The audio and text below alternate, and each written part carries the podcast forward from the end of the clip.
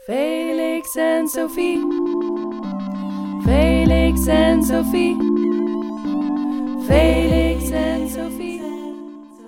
Hallo en leuk dat je luistert naar de Felix en Sophie podcast. Je gaat deze keer luisteren naar de editie van afgelopen december over de wijle Bruno Latour. Aan het woord is Jasmijn Leeuwenkamp. En in haar onderzoek probeert ze rechtmatigheid vanuit een niet-antroposofisch perspectief te herconceptualiseren. Veel luisterplezier.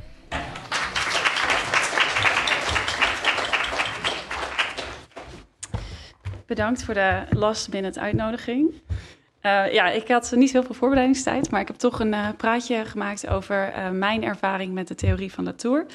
Ik denk dat ik misschien van alle sprekers de laatste was die met Latour in aanraking kwam. Um, oh, ik heb natuurlijk bij Lucas een wetenschapsfilosofie colleges wel wat gehoord, maar dat werkte niet meteen mijn onderzoeksinteresse.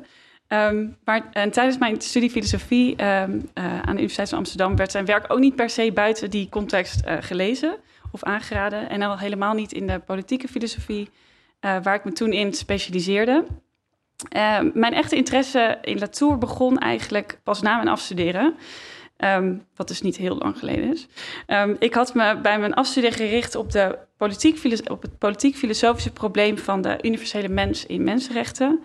Maar ik realiseerde me dat het probleem van de universaliteit van um, de mens, namelijk dat dit idee niet overeenstemt met de historische uitsluiting van vrouwen, niet-witte mensen en volkeren die als primitief uh, werden bestempeld, hand in hand ging met het idee dat zij dichterbij of als onderdeel van de natuur werden gezien. En het was Latours werk dat, me dit probleem, dat ik dit probleem herkende in de vorm van wat hij het natuur-cultuuronderscheid is gaan noemen. En waar uh, Gerard net al eventjes uh, naar refereerde. Um, en iets waar ik uh, zo iets verder op zal ingaan. Maar deze dubbele rol van de notie natuur um, kon hij denk ik goed verklaren en bekritiseren. Dus dat is denk ik waar Latour voor mij begon. Um, ik realiseerde me dat de notie natuur een normatieve functie vervult in het instand houden van de hiërarchie waarop dit uitsluitingsdenken uh, is gestoeld. Met onderaan de door natuurwetten geregeerde natuur en bovenaan de door morele wetten geregeerde menselijke beschaving. beschaving. En dit is denk ik waarom Latour ook buiten de wetenschapsfilosofie een belangrijke denker is. Latours werk gaf mij de conceptuele tools uh, om dit probleem scherper uiteen te zetten in mijn proefschrift. Hij overtuigde mij van het belangrijke inzicht dat het onderscheid tussen enerzijds natuur, het domein van de passieve, dode, objectieve feiten, en anderzijds cultuur, het domein van subjecten, handelen, normen en betekenis, zelf een norma normatief karakter heeft. Het is precies deze, in de eerste instantie dus wetenschappelijke manier van denken, die onze relatie met de wereld volgens Latour heeft verstoord. Simpelweg omdat de natuur als een verzameling van dode dingen wordt voorgesteld, die simpelweg wachten tot de mensen er waarde en betekenis aan geven, door middel van de toe-eigening. Um, en daardoor wordt dus de uitputting van de aarde gelegitimeerd en gemaskeerd. En dit is denk ik waarom Latour heel erg belangrijk is in klimaatfilosofie. Um, dit is een belangrijk inzicht ook, omdat het de traditionele politieke filosofie en ethiek aan het wankelen brengt. Dus dat is meer mijn uh, achtergrond. Latour laat namelijk zien dat het domein van cultuur, waaronder dus ook het vermogen tot handelen, politiek en moraliteit zich zouden bevinden, zelf op een vals onderscheid berust met het domein van natuur, waar ik het net over had. Dus dat onterecht als passief en premoreel is geconstrueerd. En dat is het fundament van de westerse politiek, uh, politieke filosofie en ethiek. Denk bijvoorbeeld aan sociaal contractdenkers, die juist stellen dat we een morele conditie bereiken wanneer we de natuurtoestand achter ons hebben gelaten. Of een denker als Immanuel Kant, die stelt dat men zich juist van alles wat natuurlijk en lichamelijk is moet ontdoen om tot een zogenaamde zuivere morele principes te kunnen komen. Het verandert ook welke vragen een ecologische filosofie centraal zou moeten stellen. Veel hedendaagse klimaatfilosofie laat deze traditionele normatieve theorie intact, waardoor ze nog steeds in de fundamentele zin op dat natuur-cultuuronderscheid zijn gestoeld.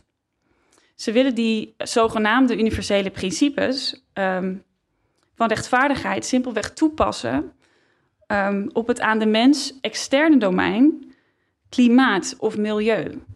Door zich bijvoorbeeld te richten op de verdeling van de kosten die bij klimaatverandering komen kijken, wat we dus nu met de COPS uh, hebben gezien. Of de ethische plichten die we zogenaamd tegenover de mensheid als geheel zouden hebben. Dit soort vragen raken uiteindelijk dus niet de kern van het probleem. En om dat te laten zien hebben we Bruno Latour nodig. Zijn werk laat de tekortkomingen van deze perspectieven zien door ons alert te maken op, zijn, op de specifieke handelingsmogelijkheden van niet-mensen. Net al even genoemd, die hierbij tot stand komen. Zij worden nog steeds dus als dode objecten voorgesteld, die zich los van ons in de externe omgeving bevinden. En wachten om door ons gered te worden door middel van normen, wetten en rechten. Dit belemmert ons in het herkennen van de manier waarop niet-mensen al constant ageren en reageren. Want ons eigen handelen in relatie tot wat Latour Gaia noemt, blind maakt. Latour neemt dus het idee van Gaia van Lovelock, um, uh, Lovelock's hypothese van die interactieve levende aarde over om uit dit onderscheid te komen, uit, uit dit natuurcultuurdenken te komen. Um, in reactie op deze Gaia-hypothese en met name Latour's idee van een parlement van de dingen, waarbij niet mensen democratisch worden gerepresenteerd, heb ik mensen best wel vaak een beetje gekscherend horen zeggen dat bomen toch echt niet, dat we ze niet kunnen horen klagen en dat de rivieren toch echt moeilijk kunnen reflecteren op hun handelen. Dat is vaak de tegenwerping die ik krijg. Maar Latour laat volgens mij juist heel goed zien dat het niet aan de dieren of de bomen is, of de rivieren, om hun capaciteit tot rationeel denken en handelen te bewijzen.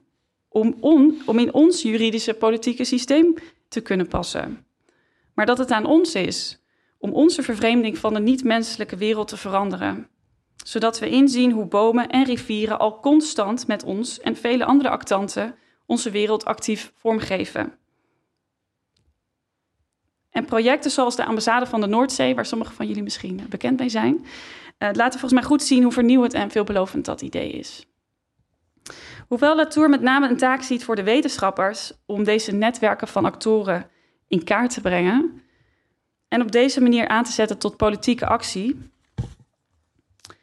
denk ik dat hij ook een belangrijke bijdrage kan leveren aan het uitdenken van een politieke filosofie die zich niet meer beroept op die voormorele natuurtoestand of op een notie van menselijkheid die rationaliteit als voorwaarde voor handelen en als essentie ziet. En deze plaats tegenover de irrationele en passieve essentie van niet-mensen. Een filosofie die dus niet heilig gelooft in het onderscheid tussen de is, de feiten en de ad, de normen. En tenslotte wil ik graag stilstaan bij Latours ideeën over religie. Aangezien ik deze passages in met name Facing Gaia misschien wel het meest verrassend vond um, toen ik me in zijn werk verdiepte.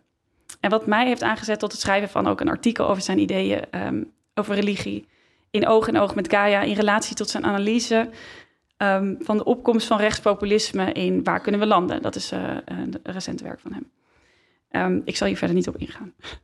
maar het, is een, uh, het is een vrij obscure uh, passage, vind ik zelf in het boek, maar het is zeker heel interessant.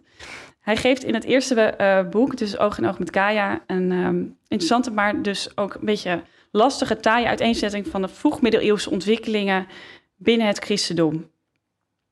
In deze passages linkt Latour de moderne houding tot de aarde en aan een ontwikkeling binnen het gnosticisme, die hij als een minachting voor de materie karakteriseert. Interessant genoeg lijkt hij deze houding te koppelen aan het imperiale en koloniale project van de moderniteit, dat gelegitimeerd werd door deze houding van minachting ten opzichte tot alles wat aan de natuur zou toebehoren, waar ik net mee begon. Het zekere weten, de zekere kennis van het gnosticisme, zette zich volgens Latour om in het religieuze vertrouwen in wetenschap, die de natuur volledig kent en onder de duim heeft. In Latours opvatting betekende de opkomst, opkomst van de moderne wetenschap als discours dus niet zozeer een secularisering, maar kreeg het blinde geloof in objectieve feiten en universele waarheid, gestoeld op dat natuur-cultuuronderscheid, een religieuze functie van een dogma. Hiermee laat hij zien dat het naïef is om simpelweg te hameren op het belang van objectieve feiten in de klimaatdiscussie, omdat een dergelijke houding tot het materiële juist bijdraagt aan die onachtzame houding ten opzichte van de aarde. Tegenover, deze houding zet hij een positievere notie van religie, waarvoor hij zich beroept op Michel Serre, die religie terugbrengt naar de originele betekenis van ecclesia, to assemble, bijeenbrengen. Het maken van connecties. Voor Latour is het idee van Gaia daardoor enerzijds juist wel seculier, aangezien het de metafysische onbereikbaarheid van de aarde, die met het gnosticisme ontstond, onmogelijk maakt. En het is daardoor wereldlijker, in letterlijke zin. Maar Gaia is tegelijkertijd in positieve zin religieus, omdat Gaia juist wel aanzet tot het maken van connecties met niet-mensen en de aarde. Dit is niet toevallig in lijn met Donna Haraway's notie van making kin. Hiermee geeft hij ons een uitweg uit de hedendaagse padstelling tussen niet motiverende en technische boodschap van objectieve klimaatwetenschap en de irrationele boodschap van de klimaatskeptici. Wetenschappers moeten op oorlogspad, zegt Latour. Ze moeten hun bevindingen juist niet als evident, overtuigend, want waar aannemen, maar de normatieve kracht van feiten inzetten. Het is een op, deze oproep tot het maken van connecties tussen geologen, politiek filosofen, natuurwetenschappers en ethici, tussen mensen en niet-mensen, maar vooral dus ook tussen wetenschap en publiek, um, waar ik mee wil afsluiten. En dat ga ik doen in de woorden van Latour zelf. Um, dit is uit de zesde lezing van Oog in Oog met Gaia, waarin hij dus dat uh, gnosticisme uiteenzet. Daar ga ik het uh, niet over hebben. Um, het is het einde van het hoofdstuk. Als u zich afvroeg waarom de zogeheten milieuvraagstukken, ondanks hun omvang, urgentie en hardnekkigheid, niet bijster veel mensen interesseren, is het antwoord misschien niet ver te zoeken, mits u rekening houdt met de contra-religieuze oorsprong ervan. Wie aan Westelingen of aan volken die recentelijk meer of minder gewelddadig zijn verwesterd, gaat vertellen dat de tijden ten einde zijn, dat hun wereld heeft afgedaan, dat ze van levenswijze moeten veranderen, kan alleen op volslagen onbegrip stuiten, aangezien de apocalyps voor hen al heeft plaatsgehad. Ze zijn al aan de overkant. Het hiernamaals is vervuld. In ieder geval voor wie ze heeft verrijkt. De drempel waar historiciteit eindigt, hebben ze al overschreden. Ze weten het, ze horen het, maar eigenlijk geloven ze het niet. Daar ligt, denk ik, in de diepe oorsprong van het klimaatskepticisme. Klimaatskeptici staan niet sceptisch tegenover de degelijkheid van kennis, maar tegenover een existentiële positie. Ze stellen zich twijfelend en ontkennend op omdat ze, de, omdat ze mensen die pas en te onpas roepen dat we volledig en radicaal van levenswijze moeten veranderen, houden voor even ongeloofwaardige sukkels als Philippus de profeet die kuifje met zijn gong en zijn witte laken de stuip op het lijf jaagt in de geheimzinnige ster. Zelf zijn ze al lang volledig en radicaal van levenswijze veranderd, door resoluut modern te worden. Als de moderniteit niet zo grondig religieus was, had men de oproep om zich te voegen naar de aarde al lang begrepen. Maar omdat de moderniteit de apocalyps heeft geërfd, die gewoon één slag naar de toekomst is verschoven, wordt die oproep slechts beantwoord met schouderophalen of een verontwaardigd. Hoe kunt u ook weer de apocalyps komen prediken? Waar staat in het boek der boeken geschreven dat er na de apocalyps nog een tweede komt? De moderniteit is aan ons beloofd. Is door ons bereikt, is door ons veroverd, soms met geweld. En nu komt u die afpakken? Ons vertellen dat we de belofte verkeerd begrepen hebben? Dat het beloofde land van de moderniteit een belofte moest blijven? Onzin. Inderdaad staat nergens geschreven dat er na de apocalyps nog een apocalyps kan komen. Vandaar dat mensen die elke dag nieuwsberichten over allerlei rampen lezen, daar toch onwrikbaar zeker, ijzig kalm en volkomen onverschillig onder blijven. Ze schijnen aanspraak te kunnen maken op deze aarde, die hun inderdaad is beloofd. They feel entitled. Maar deze aarde heeft niets aards. Aangezien juist wordt ontkend dat ze een geschiedenis, historiciteit, reactiviteit, capaciteiten, kortom handelingsvermogens heeft. Alles beeft, behalve deze mensen, behalve de grond onder hun voeten. De context waarin hun geschiedenis zich afspeelt, is het noodzakelijkerwijs stabiel. Het einde van de wereld is maar een idee. Hoe kunnen ze in die stabiliteit geloven als alles onder hen vibreert? Omdat die ogenschijnlijke stabiliteit aan, aan de materialiteit wordt opgedrongen door een opvatting over materie ontleend aan de wereld daarboven, die ze hebben verwisseld met de wereld hier beneden. En hier stuiten we weer op de verbazingwekkende vermen- vermenging van het contra-religieuze idee van de moderniteit met het al even contra-religieuze idee dat door de wetenschap is geërfd. Eh, Hier wil ik mee afsluiten. Dank u wel.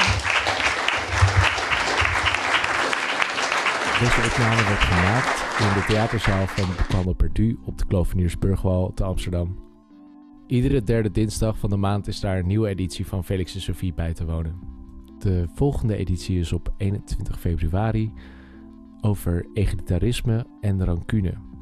Sprekers zijn Sjoerd van Tuinen en Gijs van Oenen. We hopen je graag daar te zien.